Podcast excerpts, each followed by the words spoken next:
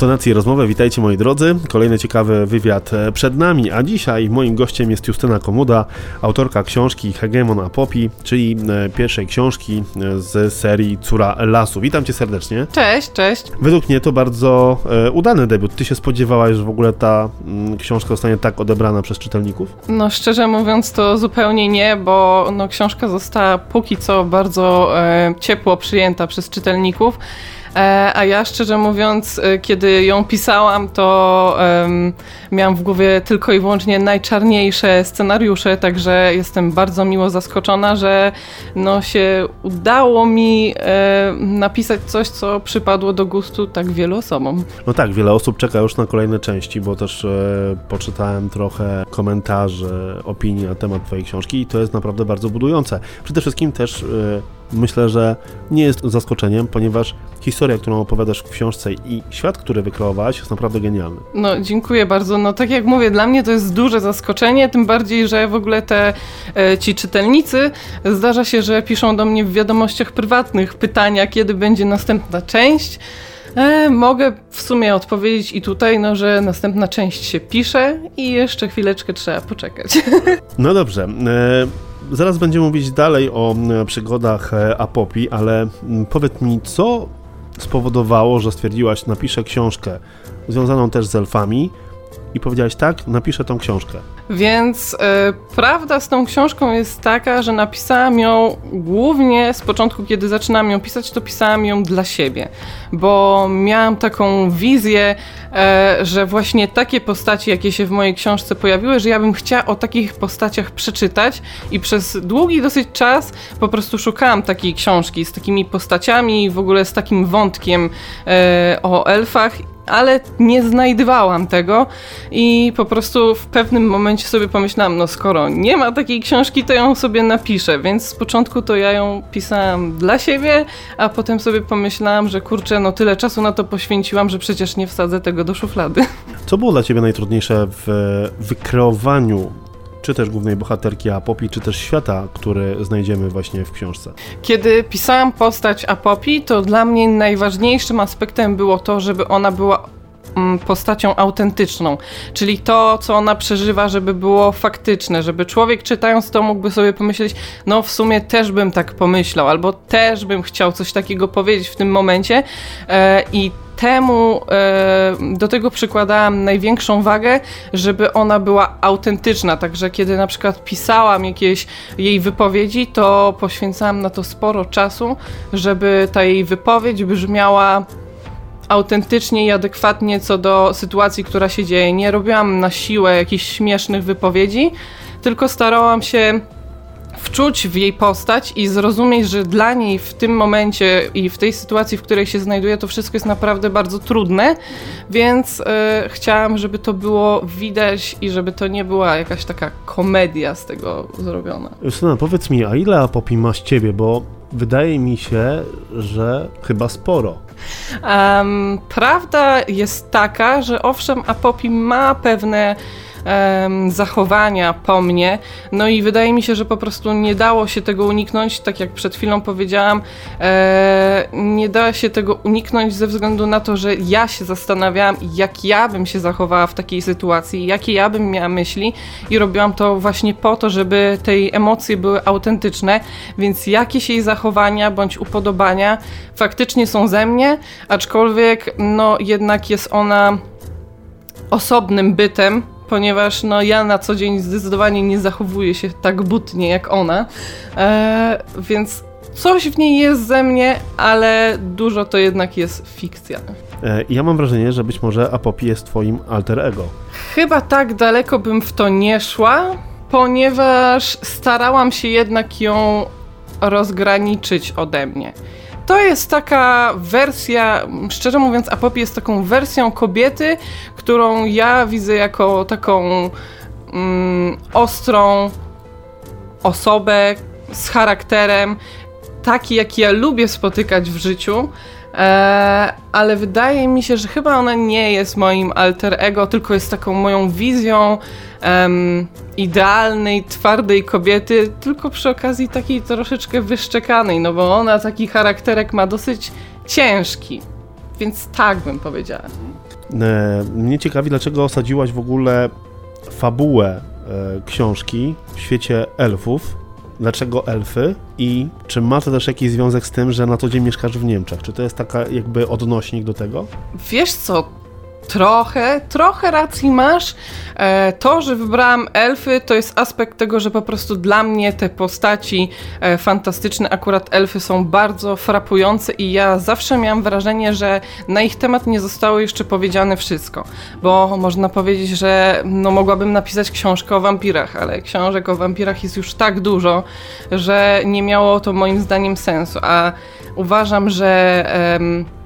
Elfy to są istoty, które zawsze się pojawiają w tych książkach fantazy, ale po prostu otrzymują za mało e, adoracji, tak jak powinny, bo są to fantastyczne postaci, które są naprawdę ciekawe. Ehm, a jeśli chodzi o same Niemcy, to prawda jest taka, że ja książkę zaczynałam pisać, jak jeszcze mieszkałam w Polsce.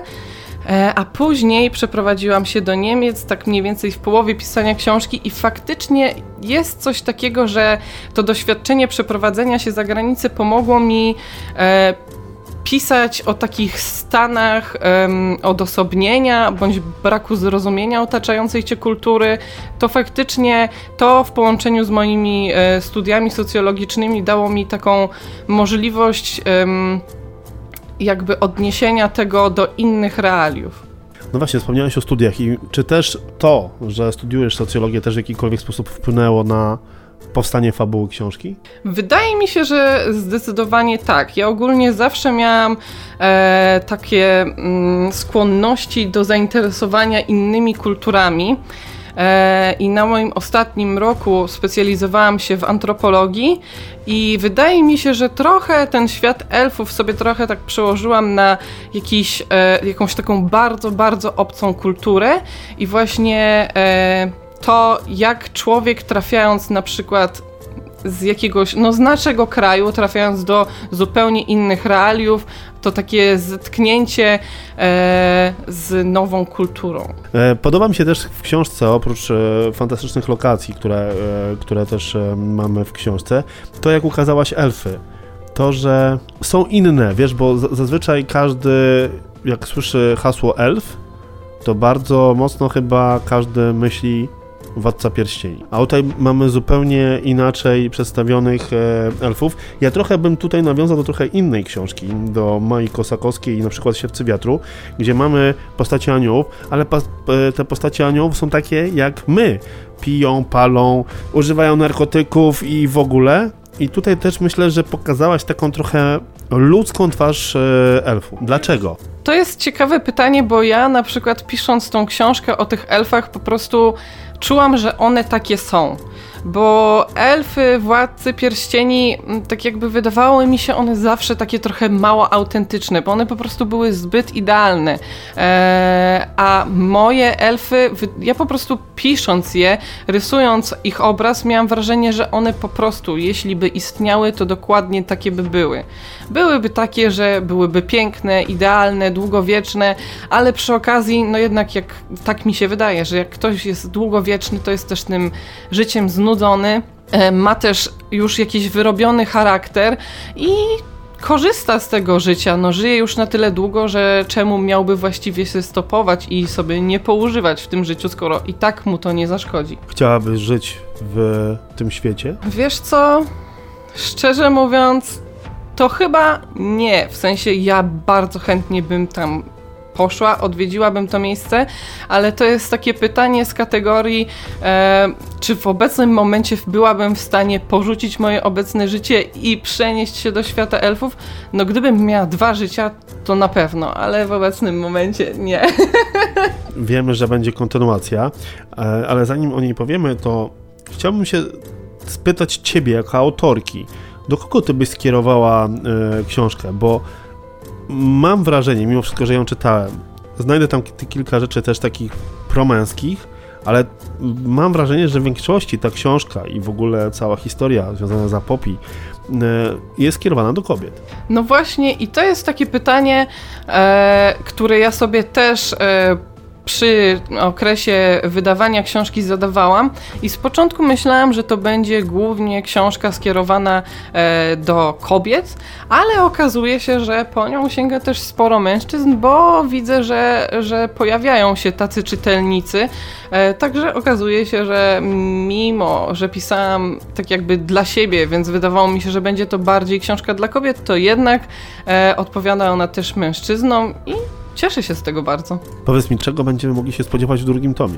I na ile tomów przygotowałaś w ogóle całą serię Córy Lasu? No więc tak. Pierwsza moja myśl była taka, że to będzie trylogia, ale w obecnym momencie, jak piszę drugą część, to już nie jestem tego taka pewna, czy ja w tej trylogii się zamknę. E, więc być może będzie to trylogia, a może będzie tych książek więcej. E, a jeśli chodzi o, hmm, o to, co się może wydarzyć, no na pewno możesz się spodziewać tego, że dowiedzą się wszyscy czytelnicy jeszcze więcej o świecie. Pojawi się jeszcze więcej aspektów tego e, świata elfów e, i wydaje mi się, że może się zrobić odrobinę mroczniej. Mroczne elfy? Może bardziej mroczne doświadczenia Popi w świecie elfów. Czym kierowałaś się w ogóle w kreacji tego świata e, elfickiego? Bo mm, tak jak wspomniałem, jest Władca Pierścieni Tolkien, e, czy też mamy różnego typu filmy, seriale, też animowane. E, powiedz mi, czym ty kierowałaś się w ogóle, żeby stworzyć ten świat? Pytasz się o inspirację? Prawda jest taka, że kiedy pisałam tę książkę, to y, przestałam. Y, przestałam czytać na ten czas tak naprawdę, bo właśnie bardzo chciałam uniknąć inspirowania się. Więc no, nie mogę powiedzieć w 100%, że na pewno mi się to udało, bo zapewne czytelnicy sami w jakieś momenty wyłapią, które okazały się im, wydawały im się jakieś podobne e, do czegoś, ale ja bardzo starałam się tego, żeby się nie inspirować niczym. Powiedz mi, czy ty w ogóle e, w tym okresie pisania e, pierwszej części, czyli Hegemon Popi, czy też pisząc już drugą część, Mm, miałaś takie chwile zwątpienia i powiedziałaś, dobra, nie piszę, jednak to nie to. Jak sobie z tym radziłaś? Ojej, e, to znaczy, nie miałam takiej myśli, że to nie to, ale chwilę zwątpienia miałam, bo po prostu nie miałam czasu.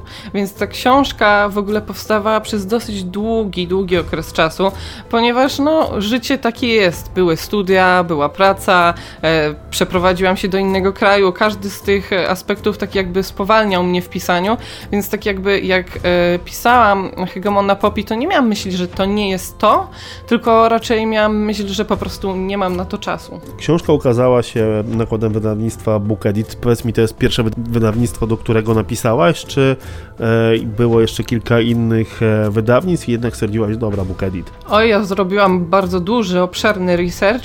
E, rozważyłam wszelkie za i przeciw i w ogóle to, co chciałabym osiągnąć, wydając tę książkę. No i y, wyszło na to, że Book Edit po prostu było najbardziej spójnym wydawnictwem z moją wizją tego, jakbym chciała, żeby ta książka została wydana. Wiele osób też e, trzymając książkę w ręce, także i ja, e, zwróciło uwagę na grafikę. No też jest mocno zaskakująca.